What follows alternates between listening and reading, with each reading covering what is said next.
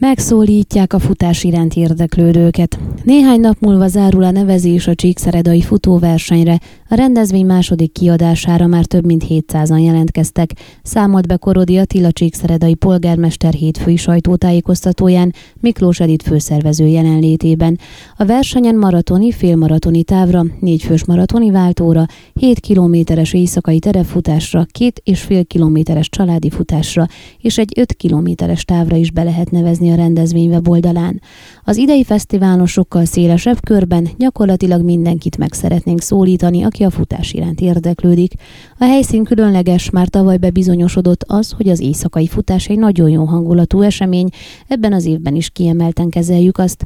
A résztvevő olyan élményeket szerezhet itt, ami ritkán adódik a futó életében, nyilatkozta a polgármester, majd az egyes utak lezárásával kapcsolatban azoknak a türelmét kérte, akik nem vesznek részt az eseményeken.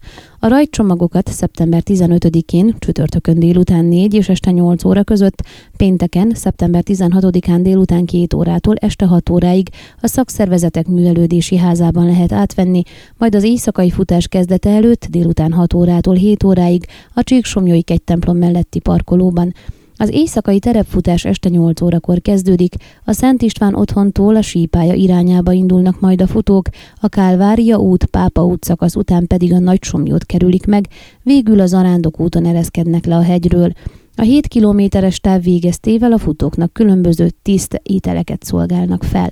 Az a célunk, hogy minden évben változtassunk kicsit az útvonalon, változatossá szeretnénk tenni, Jövőre újabb, érdekes útvonalat állítunk majd fel, hogy ne váljon unalmassá a verseny, mondta Miklós Edith főszervező.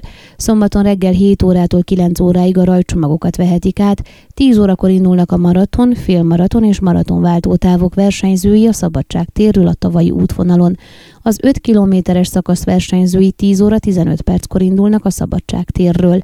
3 órakor, ugyancsak a Szabadság téren, Manuel Gregor koncerten vehetnek részt az érdeklődők. 16 órakor ugyanott rajtól a családi futás a Promenád, Tulipán áruház, Petőfi utca, Petőfi iskola városháza, Mikóvár jégpálya szabadságtér útvonalon. Nevezni augusztus 28-áig lehet, a helyszínen nem lehet majd regisztrálni.